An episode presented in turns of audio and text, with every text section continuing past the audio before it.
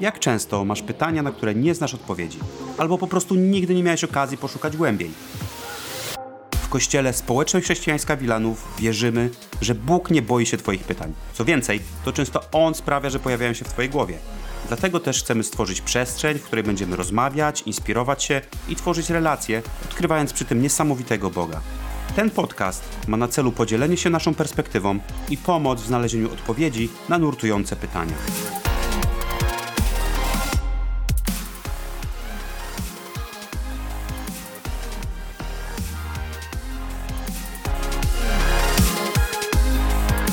Witaj w podcaście Nurtujące Pytania.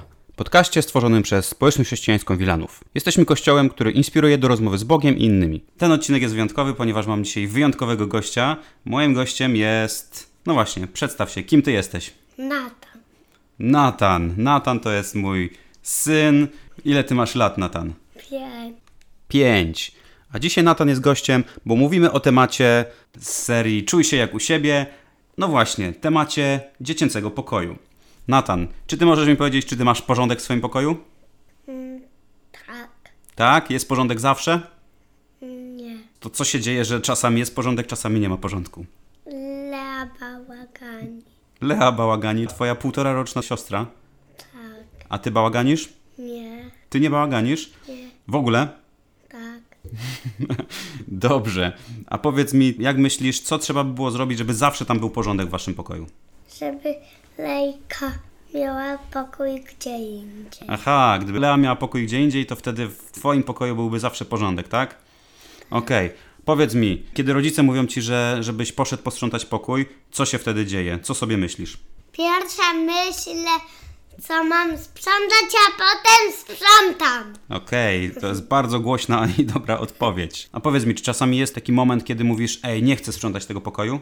Tak. Jak Lea bałagani. Aha, czyli to jest wszystko jak Lea Bałaganie. Dobra, Natan, masz 5 lat. Twoja siostra ma półtora roku. Powiedz mi, co jest najfajniejszego w tym, że ty masz 5 lat, jesteś już starszakiem, a nie jesteś już maluszkiem? Że umiem mówić ry. Umiesz mówić ry. Co jeszcze jest fajnego? Że najwięcej oglądam bajki. Aha, możesz więcej bajek oglądać niż Lea. Taka trzecia rzecz, która jest najfajniejsza w byciu starszakiem? Że mogę grać na telefonie i iPadzie. No, no właśnie. Słuchaj, masz młodszą siostrę. Twoja siostra, jak się domyślam, jest fajna czy nie fajna? Super? Nie super? Fajna. Twoja siostra jest fajna. No to musisz mieć też pewnie fajnych rodziców, co? Tak. To porozmawia- o, porozmawiamy teraz trochę o rodzicach, co? Co jest takiego fajnego w twoich rodzicach? Że tata mnie wozi na pamtrak. O, jeździmy na rowerze, co? A z mamą? Robimy razem naleśnik, a jeszcze z tatą, że gra ze mną. Z tego co mówisz, to chyba rodzice są super, co? Tak. Ale czy rodzice czasami popełniają błędy? Mama mówi na duplo Lego. To jest bardzo poważny błąd. Jakieś jeszcze błędy popełniają rodzice? Nie. No właśnie, wszyscy popełniamy błędy. A znasz kogoś, kto nigdy nie popełnia błędów, kto się nigdy nie myli? Pan Bóg. I my od tego Pana Boga też się uczymy, jak być lepszymi rodzicami. My od Pana Boga też się uczymy, jak lepiej wychowywać dzieci, jak lepiej te dzieci kochać, jak zarządzać tym waszym pokojem, jak lepiej robić, żebyście wy też jako rodzeństwo się kochali. Okej, Natan, dzięki Ci bardzo za rozmowę.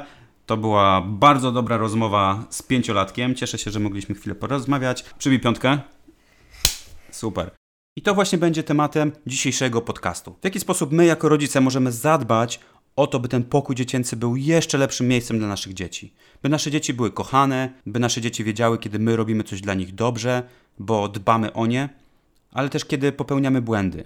By wiedziały, że błędy są częścią życia każdego z rodzica. Co wtedy robić? W jaki sposób rozmawiać z naszymi dziećmi o błędach? W jaki sposób przyznawać się do nich? I pytanie, czy my w ogóle mamy nawyk przepraszania naszych dzieci, kiedy coś pójdzie nie tak.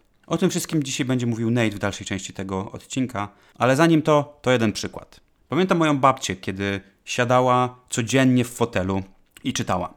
Codziennie czytała Biblię, albo nawet kilka razy dziennie. Pamiętam, że zakładała okulary i wertowała strony Biblii, stale odkrywając coś zadziwiającego. Coś, czym chciałaby się od razu z nami podzielić. Babcia na co dzień nie nosiła okularów, ale miała jedną parę, którą zakładała właśnie do czytania. I w sumie nic z tym dziwnego, bo pewnie większość naszych rodziców albo pokolenia dziadków w większości ma takie okulary, które są przeznaczone właśnie do, do czytania. Mam wrażenie, że czytając Biblię, każdy z nas zakłada w pewnym sensie okulary. Czyta Biblię przez pryzmat okularów. Takich, które każdy indywidualnie zakłada. Dla niektórych pewne fragmenty mogą wydawać się bardziej znaczące niż dla innych, bo inaczej na nie patrzą. Może z perspektywy tego, jak długo żyją, może mając inne doświadczenia życiowe. Inaczej patrzą młodzi, a inaczej patrzą ludzie u schyłku swoich dni. Może po prostu każdy z nas zakłada swoje okulary i patrzy na Biblię w zupełnie inny sposób, bo jest po prostu inną osobą, z innymi obdarowaniami. Tak czy inaczej, jako ludzie patrzymy na tę księgę przez pryzmat odbiorcy, niekoniecznie znając i rozumiejąc całą objawioną prawdę wszechwiedzącego narratora i autora, jakim jest Bóg. I na pewno za przykład mógłbym podać jeden z bardziej znanych e, i bardzo często cytowanych przez ludzi fragmentów. Niekoniecznie ludzi wierzących, niekoniecznie chrześcijan. To jest 13 rozdział pierwszego listu do Koryntian. Jeżeli sam odnośnik nic ci jeszcze nie mówi, to pewnie jak zacznę czytać, załapiesz. Fragment ten został napisany przez apostoła Pawła. Apostoł Paweł pisze do kościoła po to, by pokazać im, jak powinny wyglądać relacje między innymi ludźmi właśnie w kontekście kościoła. Pokazać to, by zaczęli traktować się nawzajem z szacunkiem, by się kochali w taki sposób, jak Bóg zaplanował, by to nie ich potrzeby były na pierwszym miejscu, ale potrzeby drugiego człowieka. I dlatego Paweł pisze właśnie to do kościoła w Koryncie. I czytając rozdział 13, widzimy, że pisze o miłości. Więc bardzo często traktujemy ten kawałek Biblii jako nauczanie o miłości. I co robimy? Tak naprawdę zakładamy okulary. Zazwyczaj są to te różowe okulary, przez które miłość wygląda jeszcze piękniej. Słyszymy ten fragment jako część ślubnego kazania o miłości, pojawia się on w kontekście nauczania o małżeństwie i pewnie nieraz właśnie przy takiej okazji też słyszałeś ten fragment. Miłość, bo przecież to jest fragment właśnie o miłości. I mimo, że autor tego listu, apostoł Paweł, nie napisał tego do żadnej pary zakochanych albo do uczestników nauk przedmałżeńskich, to my traktujemy to jako nauczanie właśnie dla par. Traktujemy to jako nauczanie dla ludzi zakochanych. A w rzeczywistości cały list, jak również właśnie ten fragment z 13 rozdziału, został napisany do kościoła. Do całego kościoła, czyli całego przekroju społeczeństwa wtedy i teraz. Myślę, że możemy odkryć coś nowego, kiedy na chwilę zdejmiemy te różowe okulary. Te okulary małżeńskie albo te okulary e, ludzi zakochanych i spojrzymy na ten fragment przez trochę inny pryzmat. Może warto założyć dzisiaj rodzicielskie okulary i przeczytać właśnie te słowa, skupiając się na tym, że jesteśmy rodzicami albo kiedyś będziemy. Niemniej jednak, może nigdy tego nie robiliśmy, więc dzisiaj będzie taka okazja. Rozsiądź się wygodnie i posłuchaj. A jeżeli jesteś gdzieś w ruchu, skup się i śledź z nami ten fragment, a potem to, o czym będziemy rozmawiać. A jak masz okazję, odpal apkę Biblii albo weź fizycznie papierową wersję do ręki i śledź ze mną 13 rozdział listu do Koryntian, mając właśnie na uwadze perspektywę rodzica i tej relacji, jaką ma rodzic z dzieckiem. A później Nate podzieli się swoimi inspiracjami odnośnie tego fragmentu. Choćbym mówił językami ludzi i aniołów, a miłości bym nie miał, pozostałbym miedzią, co dźwięczy lub hałaśliwym cymbałem. Choćbym posiadł dar prorokowania i pojął wszelkie tajemnice, myślą ogarnął całą wiedzę i dysponował pełnią wiary, tak, że przenosiłbym góry, a miłości bym nie miał, byłbym niczym. I choćbym część po części rozdał swą całą własność i swoje ciało wydał w sposób budzący uznanie, lecz miłości bym nie miał, nic bym nie osiągnął. Miłość czeka cierpliwie, miłość postępuje uprzejmie. Nie zazdrości, miłość się nie wynosi, nie jest nadęta, Postępuje taktownie, nie szuka własnej korzyści, nie jest porywcza, nie prowadzi rachunku krzywd, nie cieszy się z niesprawiedliwości, lecz dzieli radość z prawdy. Wszystko zakrywa, wszystkiemu wierzy, ze wszystkim wiąże nadzieję, wszystko potrafi przetrwać. Miłość nigdy nie ustaje. Natomiast proroctwa, te się wypełnią, języki, te ustaną. Wiedza, jej świeżość przeminie. Zresztą nasza wiedza jest i tak wycinkowa, a prorokowanie dotyczy tylko części spraw. Gdy nastanie czas doskonałości, to co ograniczone utraci swe znaczenie. Kiedy byłem dzieckiem, mówiłem jak dziecko, myślałem jak dziecko, rozumowałem jak dziecko. Gdy stałem się mężczyzną, zaniechałem dziecięcych spraw. Mówię tak, gdyż teraz widzimy zagadkowe kontury. Nadejdzie jednak czas, gdy zobaczymy twarzą w twarz. Teraz poznaję po części. Przyjdzie jednak czas, kiedy poznam tak, jak zostałem poznany. Teraz trwają wiara, nadzieja i miłość, te trzy, a z nich największa jest miłość. Jest wiele rzeczy, które jesteśmy gotowi zrobić dla naszych dzieci. Niekoniecznie z powodu miłości. Możemy mieć nieziemskie wakacje, wspaniałe domy, możemy inwestować w ich edukację, pozalekcyjne zajęcia, piłka, sztuka, korepetycje z angielskiego. Możemy zrobić wszystko, nawet przyprowadzać ich do kościoła. Jest możliwe to robić wszystko bez miłości.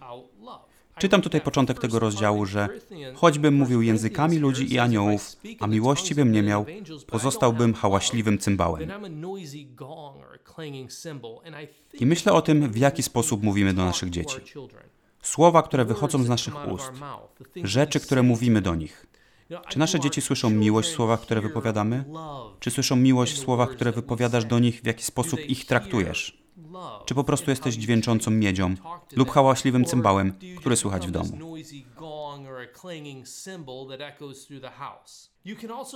Możesz też rozumieć pewne rzeczy i mieć marzenia i plany dla swoich dzieci, ale możesz to robić bez miłości. A co z poświęceniem? Jako rodzice nieustannie poświęcamy się dla naszych dzieci. Jest tu napisane dalej. I choćbym część po części rozdał swą całą własność i swoje ciało wydał w sposób budzący uznanie, lecz miłości bym nie miał, nic bym nie osiągnął. Okazuje się, że jest możliwym poświęcanie się, poświęcanie czasu, wielu godzin i zasobów dla naszych dzieci. I stale możemy robić te rzeczy bez miłości. Dlaczego? Ponieważ są pewne rzeczy świadczące o miłości, które pokazują, jacy jesteśmy. I te rzeczy są wypisane w wierszach 4 do 7. Miłość czeka cierpliwie, miłość postępuje uprzejmie, nie zazdrości. Miłość się nie wynosi, nie jest nadęta. Postępuje taktownie, nie szuka własnej korzyści, nie jest porywcza. Nie prowadzi rachunku krzywd, nie cieszy się z niesprawiedliwości, lecz dzieli radość z prawdy.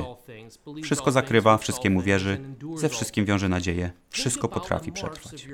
Pomyśl o atrybutach Twojego rodzicielstwa. Czy te rzeczy pokazują Twojemu dziecku, że je kochasz? Zobaczmy na kilka z nich. Nie będę przechodził przez wszystkie, ale weźmy na przykład cierpliwość. Jeśli jest jedna rzecz, jaką rodzice tracą najczęściej, to jest to najprawdopodobniej cierpliwość. Większość z nas ciężko i długo pracuje. Jeżeli mamy dość szczęścia, to pracujemy z dorosłymi. Dla rodziców, którzy mają ten przywilej bycia w domu i możliwość wychowania swoich dzieci, dzień pracy jest nawet dłuższy. Prowadząc przy tym rozmowy, mające mało wspólnego z dorosłością, w tej pracy nie ma ucieczki od próśb, jęczenia, od płaczu tych najmłodszych i z powodu zmęczenia, samotności i frustracji zdarza się, że tracisz cierpliwość. Zdarza się to non-stop. Rodzice, którzy pracują poza domem, wracają zmęczeni. Mają trudne rozmowy ze swoimi przełożonymi i pracownikami, walczą z warszawskimi korkami. Pewnie rano śpieszysz się, żeby zawieźć dziecko do przedszkola, a po południu spóźniasz się, żeby je odebrać. Nie ma czasu na odpoczynek. Jest pęd pomiędzy zajęciami dodatkowymi i zamiast cierpliwości pojawia się frustracja. Jedyną nadzieją są dwa głębokie oddechy, policzenie do trzech. Raz, dwa, trzy i ta nadzieja, że trochę się uspokoimy. Brakuje nam cierpliwości, bo nie przeznaczamy czasu, nie stwarzamy okazji. Za to pędzimy od jednego do kolejnego. Nasze życie jest wystarczająco stresujące. I tymi, którzy obrywają za to najczęściej, są nasze dzieci. Co z łagodnością? Łatwo jest stracić cierpliwość, stać się sfrustrowanym, źle traktować nasze dzieci. Brak nam spokoju, ciepła, łagodności. Spotykam czasami rodziców, którzy stale traktują swoje dzieci jak ciężar. Stale ich irytują, non-stop czegoś od nich chcą, a rodzice stale są szorstcy. Kolejne stwierdzenie tutaj. Miłość nie zazdrości. To jest ciekawe w kontekście bycia rodzicem i tego, jak traktujemy nasze dzieci. Zazdrość. I nie mówię tutaj o tym, że zazdrościmy dzieciom, bo chcielibyśmy być dziećmi. Nie chcemy przecież być jak nasze dzieci, albo mieć to, to, co mają nasze dzieci. Ale chcielibyśmy, żeby nasze dzieci były takie jak czyjeś inne dzieci, albo żeby miały to, co dzieci innych. I stale porównujemy nasze dzieci z innymi. Ciśniemy ich, żeby zachowywały się w konkretny sposób, w sposób, w jaki my uważamy, że jest słuszny. Łatwo możemy patrzeć na nasze dzieci i być niezadowolonymi z tego, jakie są, albo rozczarowanymi, że nie są takie, jak tego od nich oczekujemy. To nie miłość kieruje nami, by im pomóc. To nie miłość będzie pchała ich, by były lepsze w sporcie, albo by lepiej się uczyły. To zazdrość. Zazdrościmy innym dzieciom, innym rodzicom. Chcielibyśmy być postrzegani w jakiś konkretny sposób, więc jedną z rzeczy, która zniknęła z chrześcijańskich domów, to miłość bez zazdrości. Moglibyśmy przejść przez każdą z tych cech. Na przykład arogancja. Cały czas, kiedy zachowujemy się tak, jakbyśmy to my mieli rację. Mimo, że nieraz my i nasze dzieci wiemy, że racji nie mamy. Nie potrafimy przyznać się do błędów przed naszymi dziećmi. Rodzice potrzebują, a szczególnie ojcowie, zrozumieć to, bo to jest ciężkie, to, że musimy przyznawać się do swoich błędów. I zachęcam Was do tego, żebyście wiedzieli, że Waszą rolą jako ojcowie albo jako mamy nie jest bycie idealnym rodzicem. Twoim zadaniem nie jest bycie perfekcyjnym. Twoje zadanie jest o wiele prostsze. To pokazanie swoim dzieciom idealnego rodzica. My mamy idealnego Ojca. Boga Ojca. Boga Ojca, który zawsze jest cierpliwy, który zawsze jest dobry, zawsze jest łagodny, kocha nas bezwarunkowo i nigdy się nie myli. Twoim zadaniem jako rodzica nie jest zastąpienie Boga. Ty nie masz być Bogiem i udowadniać, że jesteś idealny, łagodny, czy nie wiadomo jaki. Twoim zadaniem jest pokazanie Ojca. Twoim zadaniem jest pokazywanie Ojca, który jest idealny. Nieraz siadam z Filipem i mówię: Filip, przepraszam, popełniłem błąd, ale chciałbym, żebyś wiedział, że jest Ojciec, który jest Bogiem i który nigdy nie popełnia błędów, który zawsze będzie traktował Cię dobrze. I mimo, że mnie będzie zdarzało się ranić Cię, Bóg Ojciec nigdy Cię nie zrani. Jako rodzice musimy pozbyć się postawy wynoszenia się, że zawsze mamy rację. Musimy nauczyć się wskazywać im na nieomylnego Boga. A co z nieuprzejmością? Jak często jesteśmy niemili dla naszych dzieci? My nigdy nie odezwalibyśmy się do naszych przyjaciół w taki sposób, w jaki czasami odzywamy się do naszych dzieci. Czasami do naszych rodziców nie powiedzielibyśmy niczego w taki sam sposób, jak robimy to w stosunku do dzieci. Jesteśmy nieuprzejmi, ignorujemy je, uciszamy i nie dajemy im mówić. Nigdy nie zachowałbyś się w stosunku do nikogo innego w taki sposób. A jednak w stosunku do naszych dzieci w taki sposób się zachowujemy. Stale i stale. Myślę, że byłoby niezwykle ważnym, żebyśmy poruszyli każdą z tych sfer. I założę się, że pewnie jako rodzice stale próbujemy szukać swego. Stale próbujemy dopiąć swego, skupiając się na tym, co my sami lubimy. Niedawno zdałem sobie sprawę z tego, że te małe dzieci, którymi zostaliśmy obdarowani, też mają swoje osobiste preferencje. Są rzeczy, które po prostu lubią, a my jako rodzice mamy swoje. To nie są rzeczy z kategorii dobre lub złe, to są indywidualne upodobania. I pytanie, jakie mam do ciebie, to czy twoje preferencje przyćmiewają upodobania, jakie mają twoje dzieci?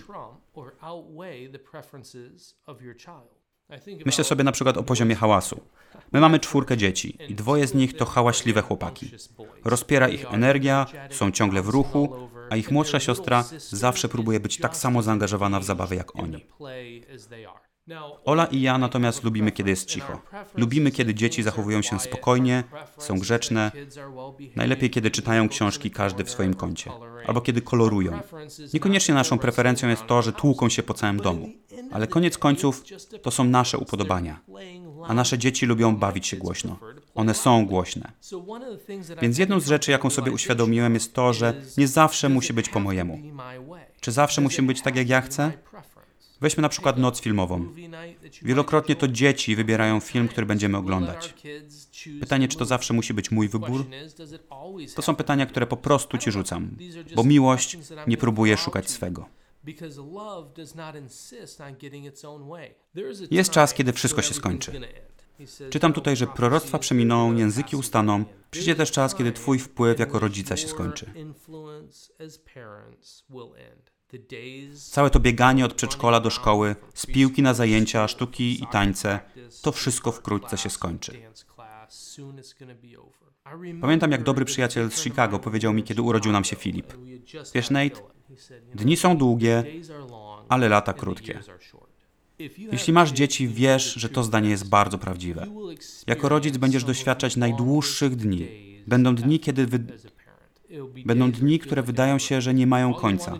Jedyne o czym będziesz marzyć, to by dzieci w końcu znalazły się w łóżkach, wykąpane a sam uznasz, że dzień skończony i możesz nareszcie położyć się spać. Ale za chwilę patrzysz na to, jak szybko dzieci rosną. I nagle zaczynają chodzić, mówić, idą do szkoły. Patrzysz na to, jak rosną w oczach.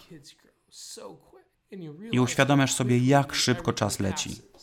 Bo dni są długie, ale lata krótkie. I jako rodzic dostałeś te lata, by kochać swoje dziecko, by pokazywać im miłość Chrystusa.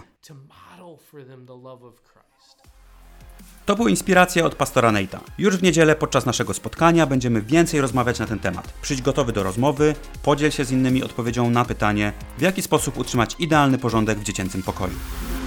Dzięki za wysłuchanie i wspólne zmierzenie się z tym tematem. Jeśli masz teraz jeszcze więcej pytań niż wcześniej, sprawdź inne odcinki tego podcastu. Zajrzyj na nasze social media i stronę schwilanów.pl, by dowiedzieć się więcej o naszym kościele. Zapraszamy Cię również na niedzielne spotkanie, gdzie rozmawiamy, inspirujemy się i każdy ma okazję podzielić się swoją perspektywą na dany temat. Do usłyszenia w kolejnym odcinku podcastu Nurtujące Pytania.